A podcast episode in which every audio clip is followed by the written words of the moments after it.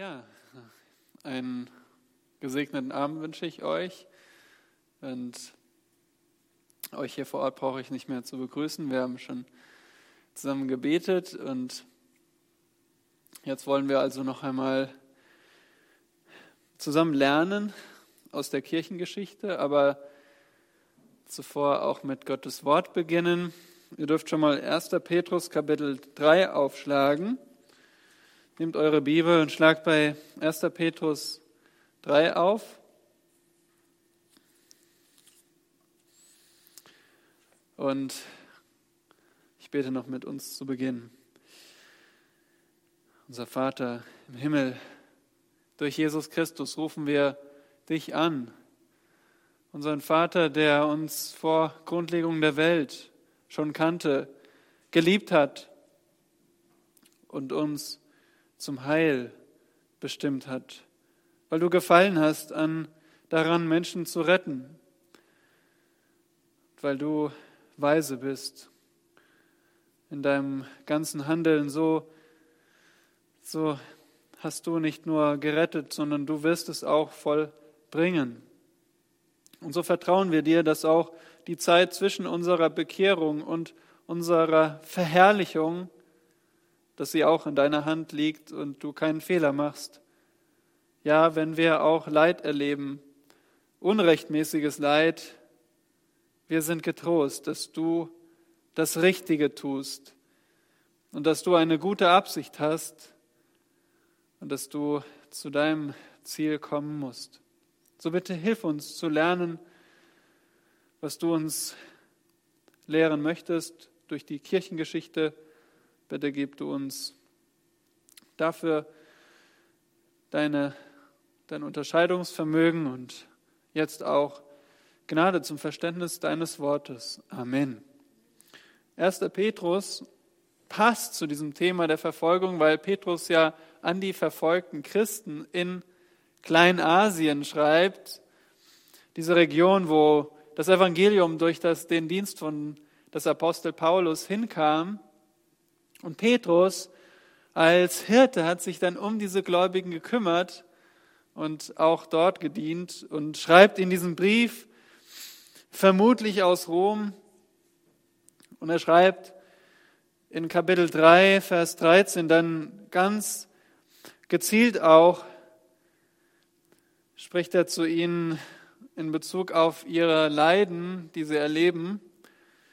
Sie wurden vermutlich noch nicht für ihren Glauben hingerichtet, aber doch haben sie Schmähungen und falsche Anklagen und diese verbale Verfolgung erfahren. Und dann schreibt Petrus hier in Vers 13, und wer will euch Schaden zufügen, wenn ihr Nachahmer des Guten seid? Doch wenn ihr auch leiden solltet, um der Gerechtigkeit willen, glückselig seid ihr. Ihr Thron aber fürchtet nicht und lasst euch nicht beunruhigen, sondern heiligt vielmehr Gott, den Herrn, in euren Herzen. Seid aber alle Zeit bereit zur Verantwortung gegenüber jedermann, der Rechenschaft fordert über die Hoffnung, die in euch ist. Und zwar mit Sanftmut und Ehrerbietung. Und bewahrt ein gutes Gewissen, damit die, welche euren guten Wandel in Christus verlästern, zu Schanden werden in dem, worin sie euch als Übeltäter verleumden mögen. Denn es ist besser, dass ihr für Gutes tun leidet, wenn das der Wille Gottes sein sollte, als für Böses tun. Und dann geht Petrus dazu über, auf Christus hinzuweisen. Er hat genauso als Gerechter gelitten.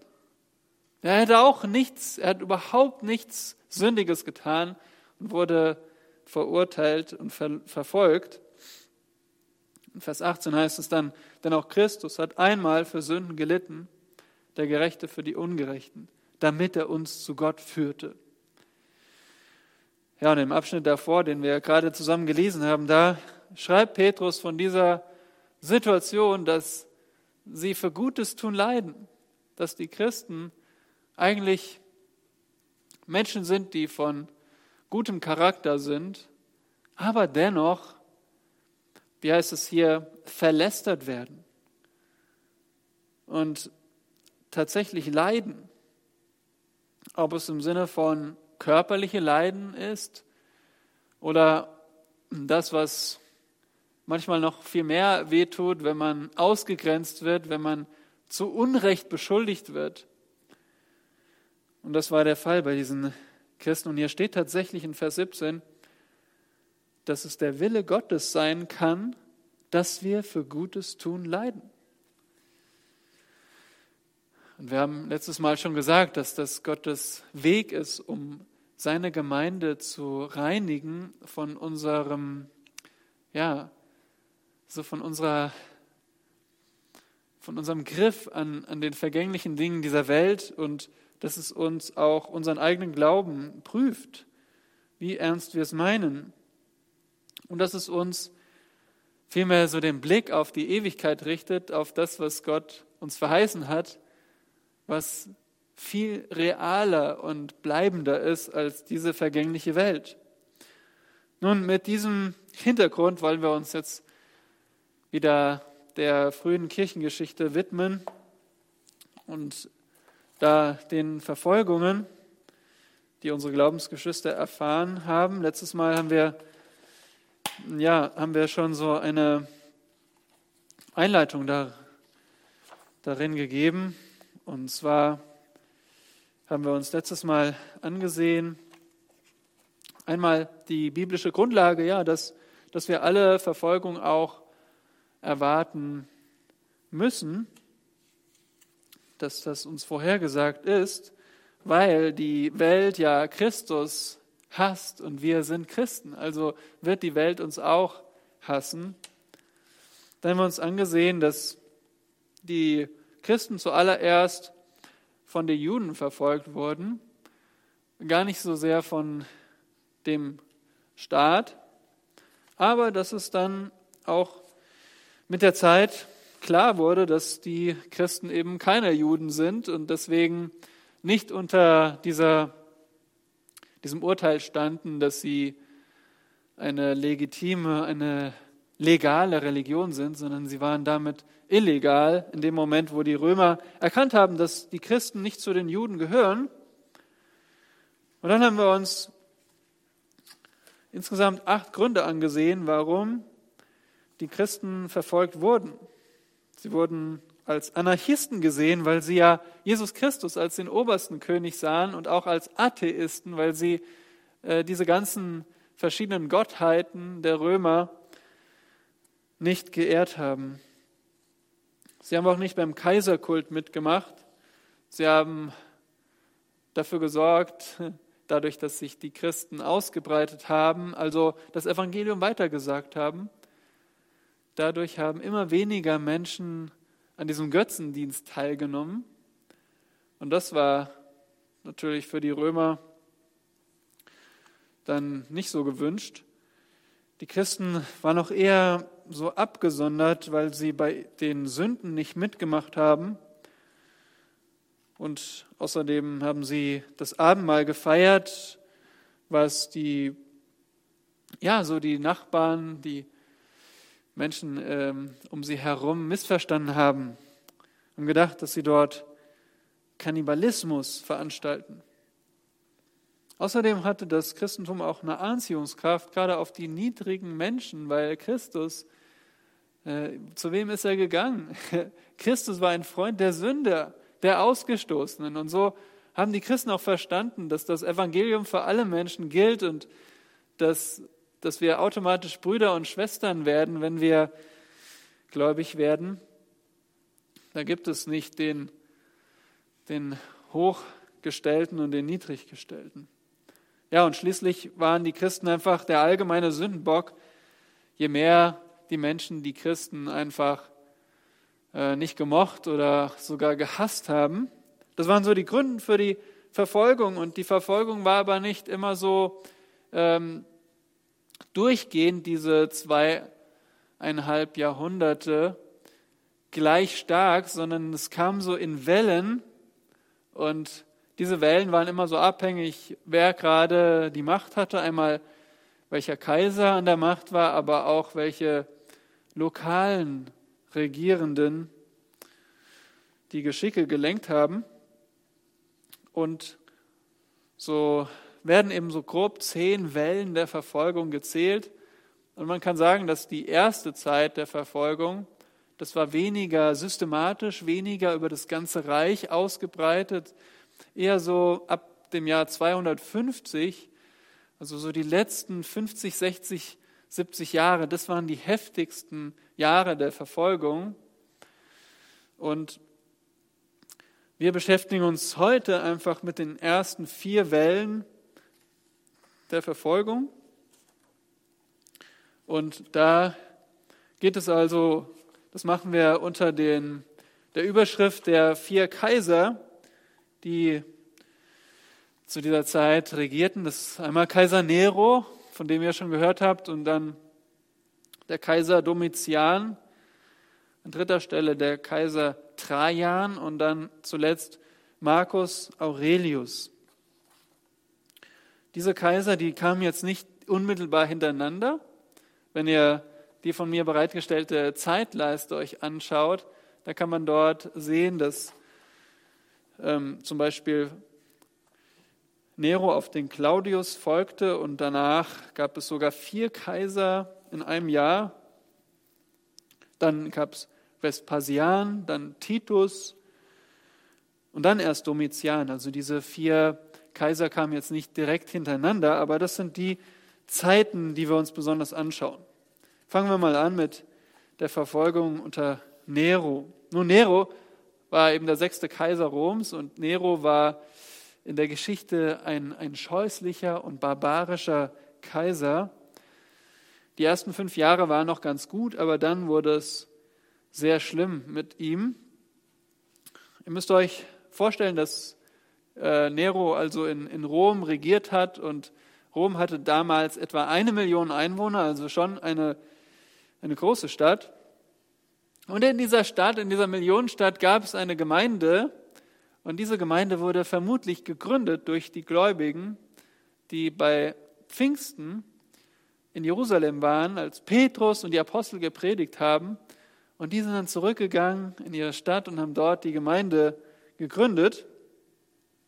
Und so gab es die Gemeinde zur Zeit von Nero also schon einige Jahrzehnte.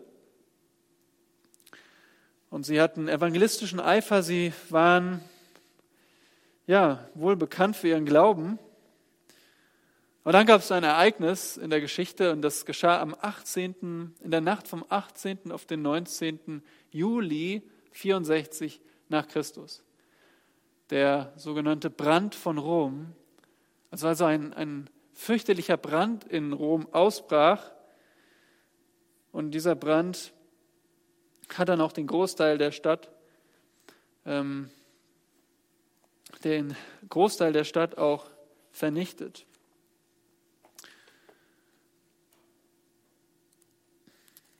Das ist dann der Auslöser gewesen auch für eine Verfolgung. Ich schaue hier gerade nochmal nach. Hier steht also, dass, dass dieser Brand zehn von 14 Stadtteilen vernichtet hat. Also ja, es war wirklich mehr als die Hälfte, was da abgebrannt ist. Und jetzt war es so, dass, dass die, die Menschen damals in Rom, die hatten also die starke Vermutung, dass dieser Brand von Nero selbst gelegt wurde. Weil Nero, der war so, so bauwütig, der hatte davon gesprochen, dass er seine eigene Stadt Neropolis aufbauen wollte und so war also die allgemeine Meinung, dass Nero diesen Brand selbst gelegt hat. Und nun war Nero in der Klemme und er hat sich etwas zu Nutzen gemacht, nämlich dass man zu dieser Zeit schon die Christen eigentlich nicht mochte. Und so wurden sie gemäß den historischen Zeugnissen, die wir haben, also ungerechtfertigt angeklagt, dass sie diesen Brand verursacht haben. Und das Urteil über die Christen lautete, dass sie, dass sie ähm, einen allgemeinen Menschenhass haben. Dass sie dafür verantwortlich waren, dass die Stadt Rom insgesamt neun Tage lang gebrannt hat. Und so konnte sich Nero von, von diesem Vorwurf entlasten. Er selbst hätte das Feuer gelegt. Und ja, warum das geklappt hat, war, weil die Christen schon damals beim Volk verhasst waren. Und zwar als Christen, nicht als Juden.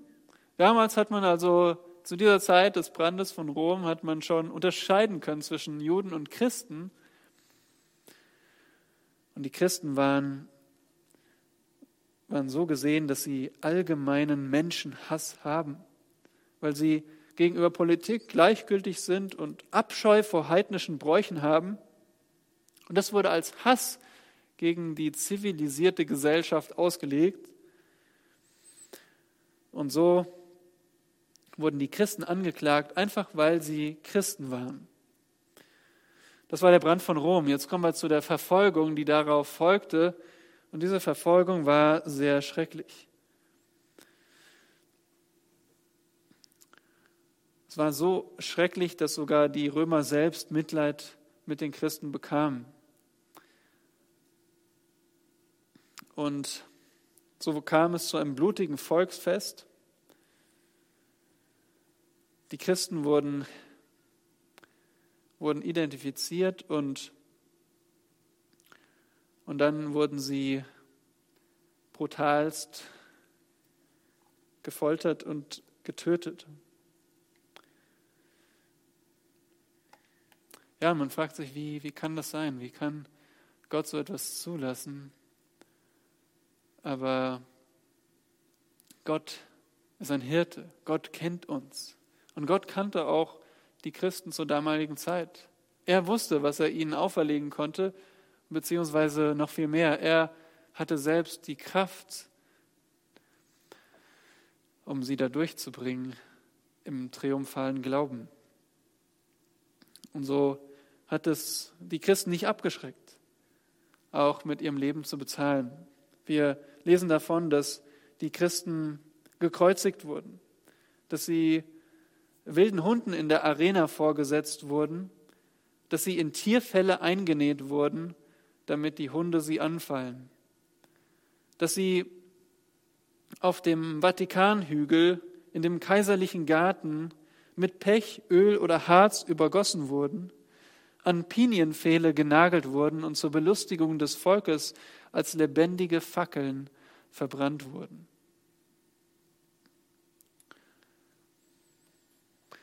Ja, man fragt sich, warum wurden die Christen so heftig auf einmal verfolgt? Nun, die Juden haben die Christen gehasst und den Römern wurde immer mehr klar, dass die Christen nicht zu den Juden gehörten, sondern dass die Juden einfach den Messias Jesus ablehnten und deswegen es ein, eine klare Abgrenzung gab. Und die Römer, hassten ebenfalls die Christen aus den genannten Gründen. Und so, so wurde es möglich, dass, dass so etwas geschah, wie wir auch ähm, ja, in, dem, in dem Bild sehen. Ich weiß nicht, Gideon, ob du das, ja, das ist das nächste Bild, was, was also sehr viel später dann gemalt wurde, wie man sich das vorstellte, wie die Christen ähm, in der Arena versammelt wurden, wie sie aber hier zusammen beteten und Gott priesen im Angesicht des Todes.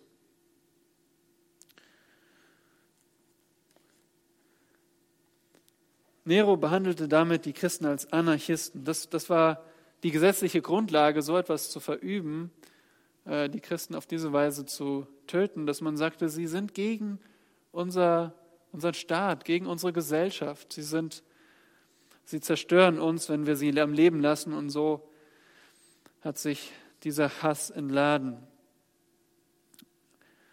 In dieser Zeit wurden auch Petrus und Paulus hingerichtet, vermutlich im Folge dieser Christenverfolgung, die sich die erstmal in Rom ihren Ursprung nahm, denn in Rom hat es ja gebrannt.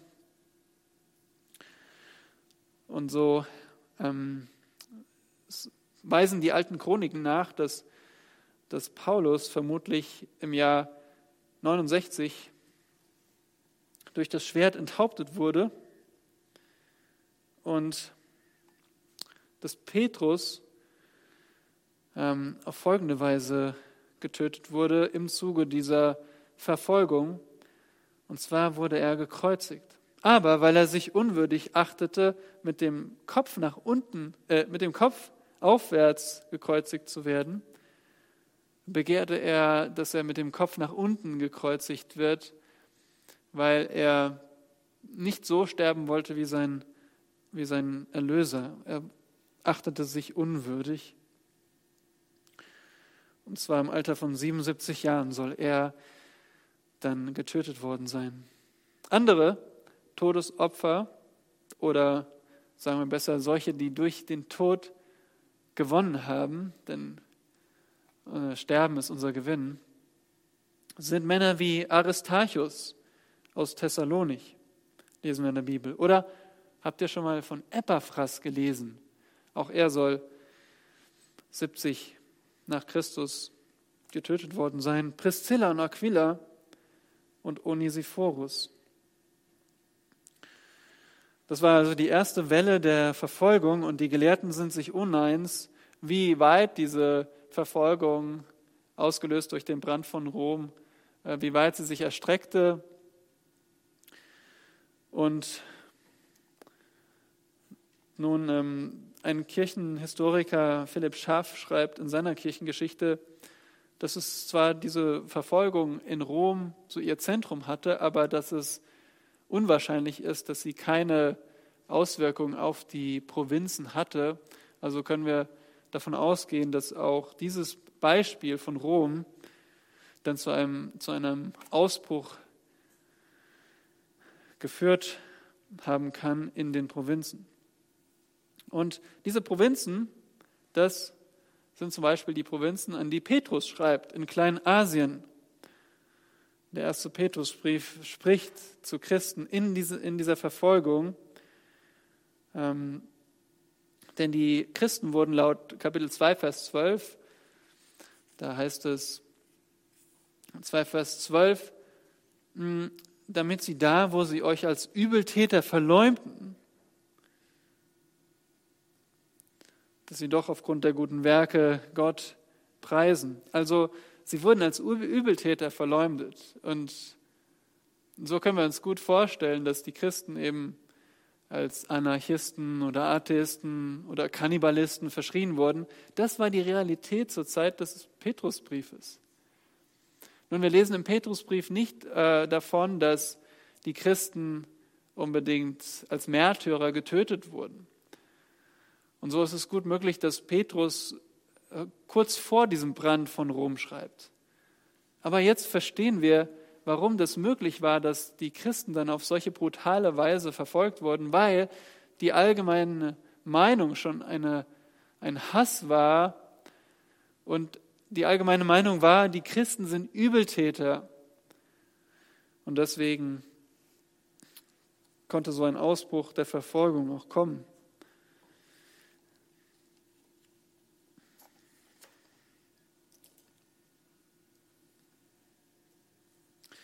Petrus schreibt ja auch in Kapitel 4, Vers 12, dass sie sich nicht wundern sollten, wenn eine Verfolgung ausbricht. Geliebte, lasst euch durch die unter euch entstandene Feuerprobe nicht befremden, als widerführe euch etwas Fremdartiges. Zweimal betont Petrus, es ist nichts Fremdes, wenn ihr verfolgt werdet.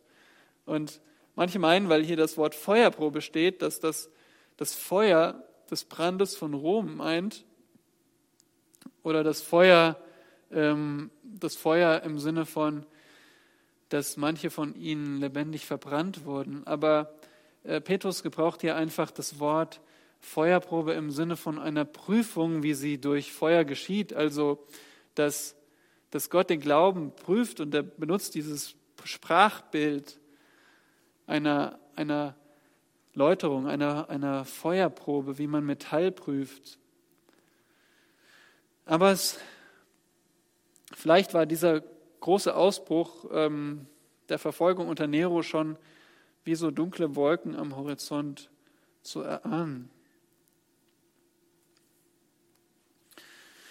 Manche Historiker bezweifeln, dass es so eine schreckliche Verfolgung gegeben haben kann, aber diese Gräueltaten, die waren öffentlich bekannt und auch ähm, ein griechischer, ein, ein römischer Historiker, Tacitus, der unterscheidet auch zwischen den Juden und den Christen. Also es war damals dieser Unterschied da.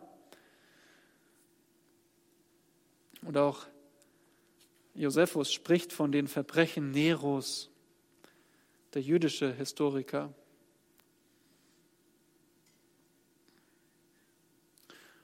Also da wissen wir aus, aus diesen nicht biblischen Quellen, wissen wir, dass diese Verfolgung stattgefunden hat. Aber ähm, die Kirchengeschichte lässt auch vermuten, dass es eben dann nach dem Tod Neros, man ist Nero gestorben, hier sehen wir 68 nach Christus, dass es danach eher kaum Verfolgung gab und die Gemeinde konnte wieder zu Kräften kommen, im Sinne von, dass ja, das Evangelium weitergesagt werden konnte, dass Menschen zum Glauben kamen, bis zur zweiten Welle unter dem Kaiser Domitian. Domitian regierte eben hier von 81 bis 96 nach Christus. Und wer, er war so der argwöhnische, gotteslästerliche Tyrann. Er ließ sich selbst mit Herr und Gott anreden. Und er behandelte die Bekehrung zum Christentum als ein Verbrechen gegen den Staat.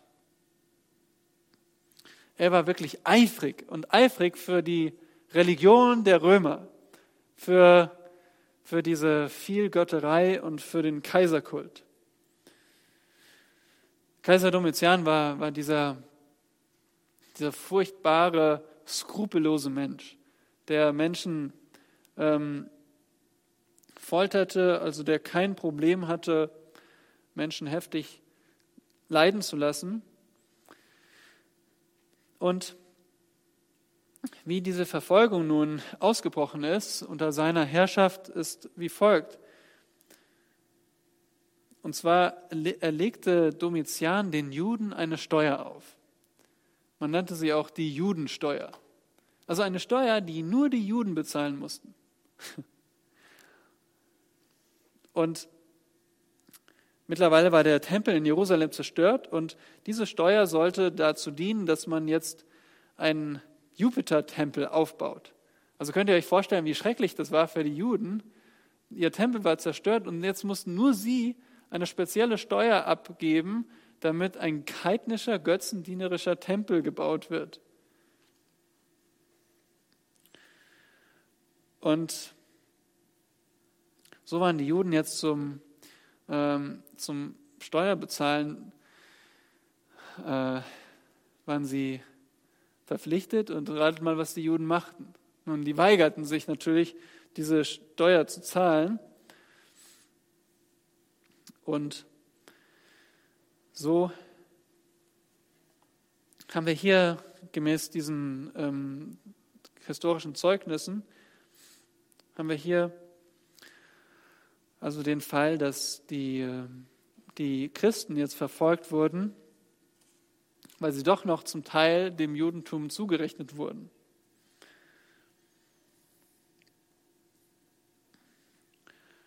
Und diese Verfolgung soll also 90 nach Christus begonnen haben und dann vor allem zu, zum Ende hin, also 95 nach Christus, äh, heftiger geworden sein. Und gerade in den letzten Jahren eine Art Schreckensherrschaft gewesen sein. Zu dieser Zeit wurde folgendes Gesetz erlassen. Kein Christ, der vor dem Gerichtshof Tribunal erscheint, also vor dem Gerichtshof, das ist der Tribunal, kein Christ, der da erscheint und seiner Religion nicht abschwört, darf von der Strafe befreit werden. Also ging es wieder darum, bekennst du dich zum Christentum? Wenn ja, dann musst du bestraft werden.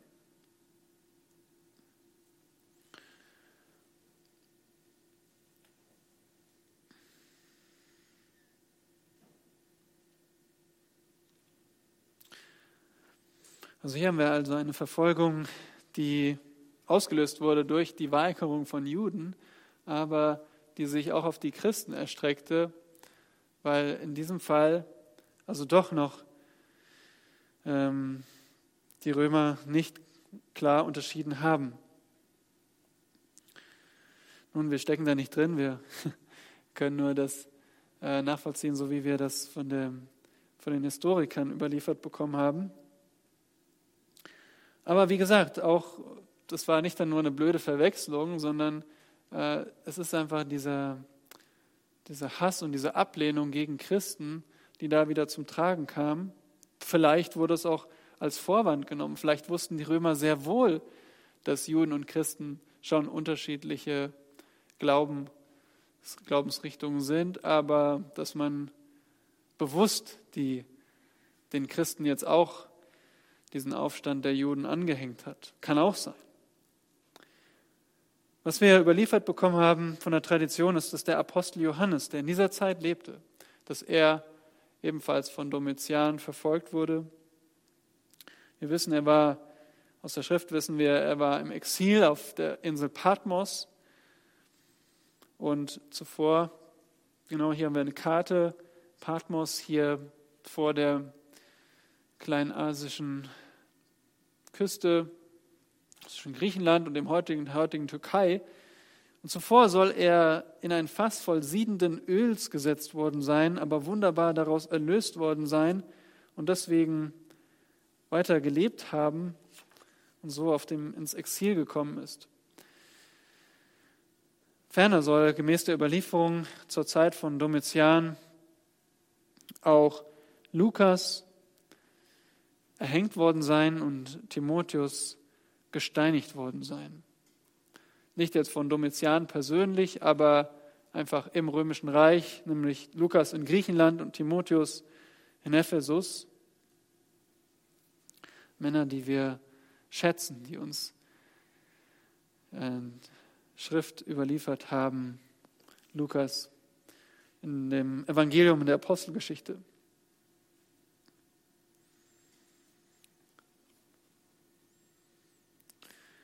Nun, das ist Domitian. Er starb 96 nach Christus und auf ihn folgte Nerva. Nerva regierte hier nur ähm, weniger als zwei Jahre. Er war, wieder, war wiederum ein Kaiser, der das Christentum nicht als Verbrechen angesehen hatte, aber er hat es auch nicht als legale Religion anerkannt. Also so, so weit kam es nicht. Es war weiterhin illegal, Christ zu sein. Und so folgte auf ihn der Kaiser Trajan. Und das ist die dritte Welle der Verfolgung. Und Trajan, das war ein, ein entschlossener, ein wachsamer Kaiser. Er war jetzt nicht dieser wirre Tyrann. Er war ein entschlossener Kaiser, der wollte Ordnung, der wollte Einheit, der wollte das, wofür Rom steht, nicht nur aufrechterhalten, sondern sondern befestigen. Und da haben wir natürlich wieder den Konflikt mit dem Glauben, dass Jesus Christus der allerhöchste König ist und dass dieser Kaiserkult, dieser Götzendienst, der das römische Reich zusammenhalten sollte, dass dieser Götzendienst für Christen tabu ist, weil sie wissen die Wahrheit. Es gibt nur einen Gott, den wir anbeten sollen und können. Nun, diese Christenverfolgung wurde dann ausgelöst durch einen Statthalter, Statthalter Plinius II. Plinius II. war ein Jurist, der wurde Statthalter in der Provinz Bithynien und Pontus. Bithynien und Pontus. Hier sehen wir die, das römische Reich zur Zeit von Trajan wie es sich erstreckte um den Mittelmeerraum. Und dann sehen wir nochmal eine Aufnahme von Pontus und Bithynien. Das ist also hier in Kleinasien am nördlichen, an der nördlichen Küste. Auch ist uns bekannt aus dem ersten Petrusbrief. Auch dort waren Gläubige. Und dort war Plinius Statthalter und er sollte dort Ordnung herstellen. Wir wissen ja, Trajan ist der Ordnungsliebende, der Einheitsmensch. Und Plinius kam also dorthin und inspizierte so, ja, wie, wie geht es da so in dieser Region? Und da wird ihm was zugesteckt, eine anonyme Anklageschrift gegen die Christen. Also ganz mutig, ja, so anonym, aber ganz klar gegen die Christen gerichtet. Die Christen sind hier einflussreich und die Christen sind, sind schlimm und nachdem Plinius selbst in Kontakt mit Christen gekommen war, urteilte er, dass die Christen ein verdorbener und maßloser Aberglaube ist. Und er konnte sich gar nicht erklären, warum die so beliebt sind. So ein Aberglaube. Und so sah er, wie die Tempel immer leerer werden und der Opfermarkt, ja, der liegt brach. Und Plinius wollte diese Entwicklung stoppen. Und so ging es damit los, dass diese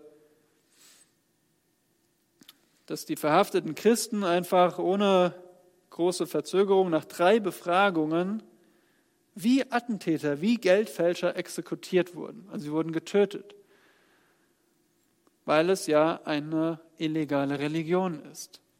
Und das war die Gesetzesgrundlage. Und jetzt war das bloße Bekenntnis, reichte aus, damit sie damit sie verurteilt werden, ohne irgendwelche Prüfung. Dabei, was, was man beobachtete, war einfach, dass die Christen sich an einem bestimmten Tag vor Sonnenaufgang trafen, dass sie eine festgelegte Form von Gebeten zu Christus als ihrem Gott wiederholten, dass sie sich verpflichteten, niemals zu stehlen, niemals zu rauben, niemals Ehebruch zu begehen, dass sie niemals ihr Wort brechen wollten und dass sie niemals betrügen wollten. Und danach trennten sie sich, um wieder zu einem harmlosen Mahl zusammenzukommen. Das ist, was die Menschen beobachteten, aber das Urteil war ein Aberglaube. Und Plinius nahm jetzt diese gesetzeskonforme Methode und er und er verurteilte die Christen und sie wurden also dort in Bithynien, in Pontus, wurden sie getötet. Aber er wurde verunsichert, dieser Plinius. Der war nicht so ganz so hart, weil der merkte, irgendwas stimmt hier nicht. Die Christen, die sind eigentlich, die sind so, so unschuldig und werden trotzdem hier getötet. Täglich Tausende. Und so schrieb Plinius einen Brief an den Kaiser Trajan und fragt, Kaiser, was sagst du denn? Also ich bin hier so ein bisschen unsicher. Was ist denn hier die offizielle Vorgehensweise? Und schrieb ihm eben, was er so machte und wartete jetzt auf die Antwort des Kaisers, der, wie ein Historiker schrieb, gänzlich unwissend war über das Christentum. Nun, Kaiser Trajan, ähm, sinngemäß schrieb er folgendes. Plinius, du bist auf dem richtigen Kurs.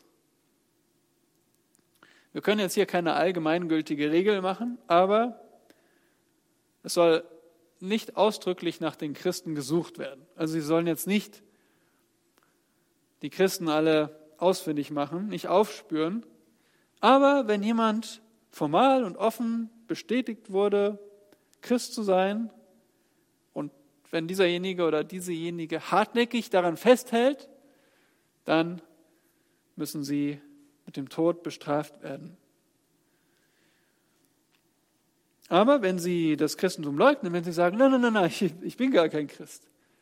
Und wenn sie dann den Beweis bringen, nämlich naja, dann bring doch mal das Opfer. Okay, ja, ich mache schon, ich bringe das Opfer für die Götter. Wenn sie das machen, dann wurden sie freigesprochen. Und das, ihr Lieben, das war dann für zwei Jahrhunderte fast so der offizielle Umgang mit den Christen. Das, was hier der Kaiser Trajan festlegte. Die Christen wurden also nicht aufgespürt, aber auf der anderen Seite, wenn jemand angeklagt war und es sich bestätigt hat, dann konnte er oder sollte er mit dem Tod bestraft werden.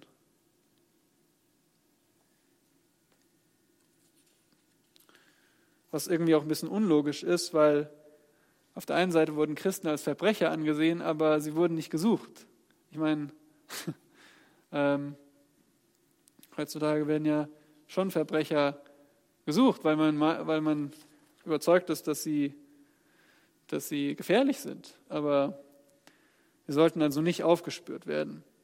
Die Frage, war das jetzt eine neue Politik der Christenverfolgung? Nun, ähm, Trajan dachte einfach, das, ist, das, das, das überlebt sich, das, das geht wieder weg, das ist irgend so eine Mode, dieses Christentum, und das, das wird schon wieder vorübergehen. Aber das Christentum gewann immer mehr Aufmerksamkeit. Und so kam es dazu, dass genau diese, diese Festlegung von Trajan dann zur offiziellen Verfahrensweise wurde, wie man mit den Christen umging. Und das war bindend für das gesamte römische Reich.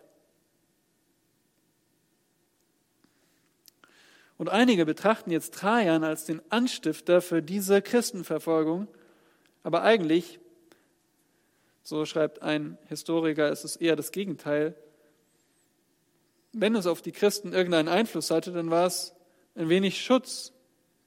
Denn Trajan schrieb vor, dass die, die Beamten, dass die unbeeinflusst von dem öffentlichen Hass kontrollieren müssten. Und der Ankläger musste auch beim Prozess anwesend sein. Also es, es, ging nicht mehr so, dass man einfach nur auf Zuruf jemanden anklagt. Es musste wirklich, der Ankläger musste mitkommen und das bestätigen. Und so gibt es keinen Hinweis, dass es jetzt eine völlig neue Politik war und dass es jetzt eine systematische Verfolgung war. Trajan war einfach ein ordentlicher Mensch und er wollte das Leiden harmloser Menschen verhindern. Aber natürlich waren die Christen nach wie vor als illegal gesehen, als Atheisten, als Anarchisten. Und Trajan war aber der Erste, der die Christen auf formalem Weg als Anhänger einer verbotenen Religion ausrief. Zur Zeit von Trajan wurden unter anderem Onesimus getötet und auch Ignatius von Antiochia. Onesimus kennen wir aus der Bibel. Aus, aus welchem Buch? Aus dem Brief Philemon. Ja. Ignatius ist uns nicht in der Bibel bekannt.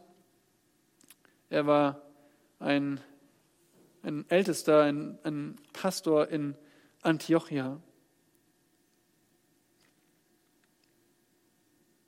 Also was, was lernen wir hier? Einfach, dass es, ja, dass es ähm, nach jetzt eine offizielle Vorgehensweise gab für für die Verfolgung oder die Verurteilung von Christen. Sie sollten nicht aufgespürt werden, aber es war, es war nach wie vor ein Verbrechen, Christ zu sein und unsere Geschwister wurden legitim in, den Augen des Staates getötet. Auf Trajan folgte Hadrian und der führte einfach diese dritte Verfolgung mit gleicher Härte fort.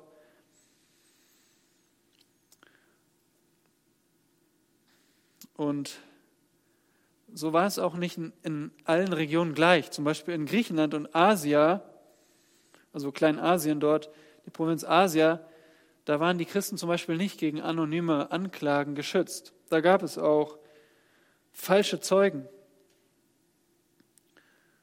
Und wisst ihr, da gab es diese Weise, dass man hm, wenn man jetzt jemanden anklagt und der wirklich verurteilt wird, dann bekommt man, und, und der schuldig ist und dann hingerichtet wird,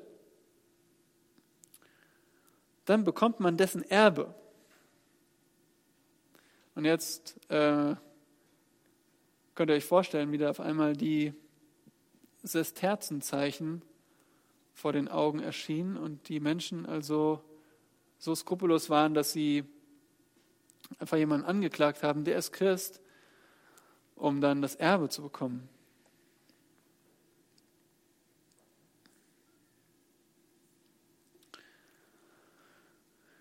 Also auch unter Kaiser Hadrian war es ein Verbrechen, Christ zu sein. Und nach Hadrian kam Antonius Pius, der die Christen vor, den, vor tumultartigen Gewaltausbrüchen schützte. Aber klar, auch er konnte die Wut des Volkes jetzt nicht kontrollieren. Und so gab es immer wieder spontane Verfolgung. Und in dieser Zeit unter Antonius Pius, ähm, der jetzt für uns nicht so einer der ist, die, die, der die Christen massiv verfolgt hat, aber in dieser Zeit gab es auch eine Verfolgung in Smyrna, und dieser Verfolgung fiel der Bischof Polycarp zu, zum Opfer. Polycarp war ein Schüler des Apostels Johannes und er war 86 Jahre alt, als er gesucht wurde. Und er war zu dem Zeitpunkt so in einem, in einem Landgut versteckt und und die Verfolger kamen, klopften an seine Tür und er sagte, herein, kommen Sie herein und gab ihm sogar was zu essen und sagte, darf ich mich noch eine Stunde zum Gebet zurückziehen? Und er betete eine Stunde und dann wurde er vor den Statthalter geschleppt. Und da war das ganze Volk, die warteten auf den Prozess. Der Statthalter sagte, schwöre und ich werde dich freilassen. Lästere deinen Christus. Polycarp antwortete, schon 86 Jahre diene ich ihm. Und er hat mir kein Leid getan. Wie kann ich meinen König, der mich erlöst hat, lästern? Schwöre beim Glück des Kaisers. Vernimm mein offenes Bekenntnis. Ich bin Christ. Ich habe wilde Tiere. Ihnen werde ich dich vorwerfen, wenn du nicht nachgibst. Lass sie kommen. Wenn du dir aus wilden Tieren nichts machst und hartnäckig bleibst, lass ich dich vom Feuer verzehren. Du drohst mit Feuer, das nur eine Zeit lang brennt und bald erlischt.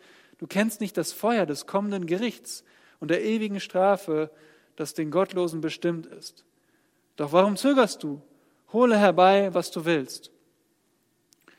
Und so wurde Polycarp zur Feuerstrafe verurteilt und ähm, als man ihn annageln will, sagt er, lasst mich, lasst mich so, der mich für das Feuer bestimmt hat, wird mir auch Gnade geben, unbeweglich auf dem Scheiterhaufen stehen zu bleiben.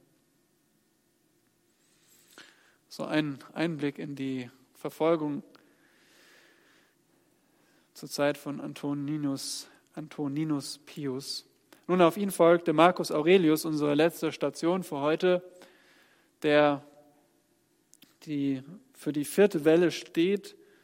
Und hier ist auch wieder so konträr. Vorher hatten wir diesen, diese Tyrannen wie Nero und, und Domitian, den Ordnungsmensch Trajan und jetzt kommen wir zu Marcus Aurelius.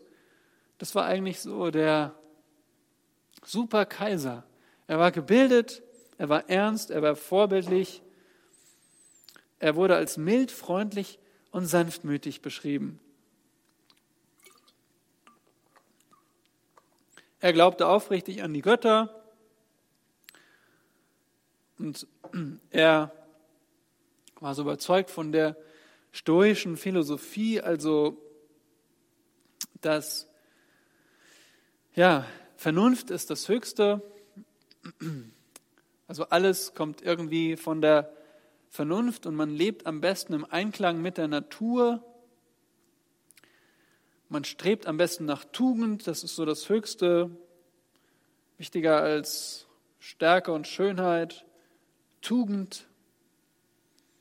Also man kann bestimmt Parallelen sehen, auch zu manchen Philosophien heute, im Einklang mit der Natur zu sein. Das begegnet uns auch immer wieder. Ein solcher Mensch war er. Aber natürlich hat der, diese Philosophie hat kein, kein Verständnis von Sünde oder braucht auch keinen Retter, weil man durch seine Vernunft selbst ans Ziel kommen kann. Und so betrachtete er das Christentum als, als teuflisch, weil es die Unsterblichkeit der Seele lehrte. Sie war gefährlich für den Wohlstand des Staates.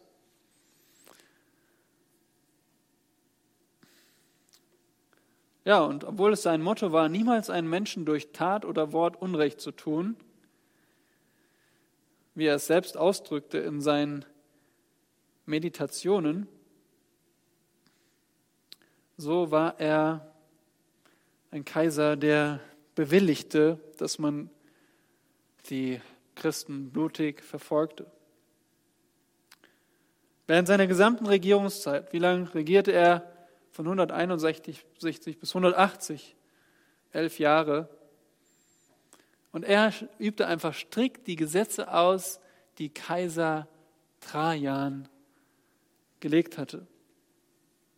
Und er war auch der Erste, laut John Fox, der Erste, der ein Spioniersystem gegen die Christen einsetzte. Und den Besitz der Christen versprach er den Anklägern. Also wieder diese Sache, wenn ich jemanden erfolgreich anklage als Christ, dann bekomme ich auch noch etwas materielles, materiellen Reichtum.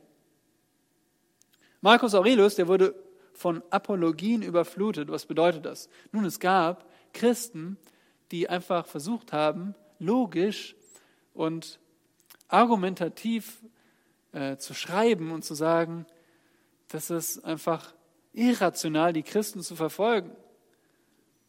Diese Anklagen sind nicht haltbar. Und gar nicht so sehr jetzt äh, von der Schrift her, im Sinne von, du musst einfach glauben, sondern im Sinne von, es ist wieder die Vernunft, die Christen zu verfolgen. Aber Marcus Aurelius hatte nur taube Ohren dafür. So vernünftig war er dann doch nicht. Und so gab es Verfolgung, zum Beispiel ähm, dadurch, dass es Brände gab, Erdbeben, Aufstände und die Pest in dieser Zeit grassierte. Wir wissen, die Christen waren der allgemeine Sündenbock und so wurden sie verfolgt. Gerade bei Katastrophen, zum Beispiel im Jahr 177 in Südfrankreich, in Lyon und Vienne. Dort gab es nur eine kleine Gemeinde von etwa vielleicht weniger als 100 Leuten. Und die wurden per Gerücht angeklagt. Sie würden Menschen fressen und ihre Geschwister heiraten. Und so wurden sie angeklagt. Erst verbot man ihre Häuser, dann verbot man ihnen die Badestuben und schließlich durften sie nicht mehr auf öffentliche Plätze. Sie konnten sich also nirgendwo mehr richtig aufhalten. Und dann wurden einige von ihnen gequält, gefoltert, aber das zeigte einfach keine Wirkung. Sie, sie wollten einfach nicht von ihrem Christus ablassen und so wurden insgesamt 48 Christen getötet. Zum Beispiel auch eine, ein junges Sklavenmädchen mit Namen Blandina. Blandina, ihre Geschichte kann man nachlesen. Ich weiß nicht, wie, wie alt sie war, aber sie wird als junges Sklavenmädchen beschrieben. Und sie, müsst ihr euch vorstellen, bekam also dann immer wieder mit, wie schon einige ihrer Glaubensgeschwister getötet wurden. Sie hat das vielleicht beobachtet durch die Gitter, aber sie war einfach so, so stark in ihrem Glauben, dass sie andere ermutigt hat. Und es wird beschrieben, dass sie also so stark gelitten hat, dass schon ein, eine Form der Folterung eigentlich schon sie hätte töten müssen und ihre Peiniger sich nicht erklären konnten, wie sie eigentlich so lange am Leben blieb. Zum Beispiel wurde sie an einem Pfahl aufgehängt und dann den wilden Tieren vorgeworfen, aber diese wilden Tiere sollten sie attackieren, aber haben es nicht gemacht. Sie betete in dieser Zeit und ähm, wurde nicht von den wilden Tieren berührt. Und so wurde sie wieder ins Gefängnis geworfen und mit einem 15 Jahre alten Jungen, Pontikus, den sie ermutigte, standhaft zu bleiben. Und wo sie, ähm, sie auch einen Einfluss hatte, weil er war so ermutigt ähm, dadurch, dass er zuerst dann starb und Blandina war froh, dass, dass er bis zum Ende durchgehalten hatte. Und so schließlich wurde auch Blandina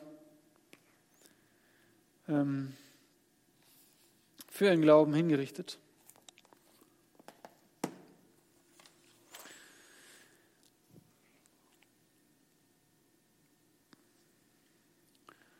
In dieser Zeit auch der Justinius, ein, ein, ein, äh, auch ein Apologet, jemand, der den christlichen Glauben verteidigt hat.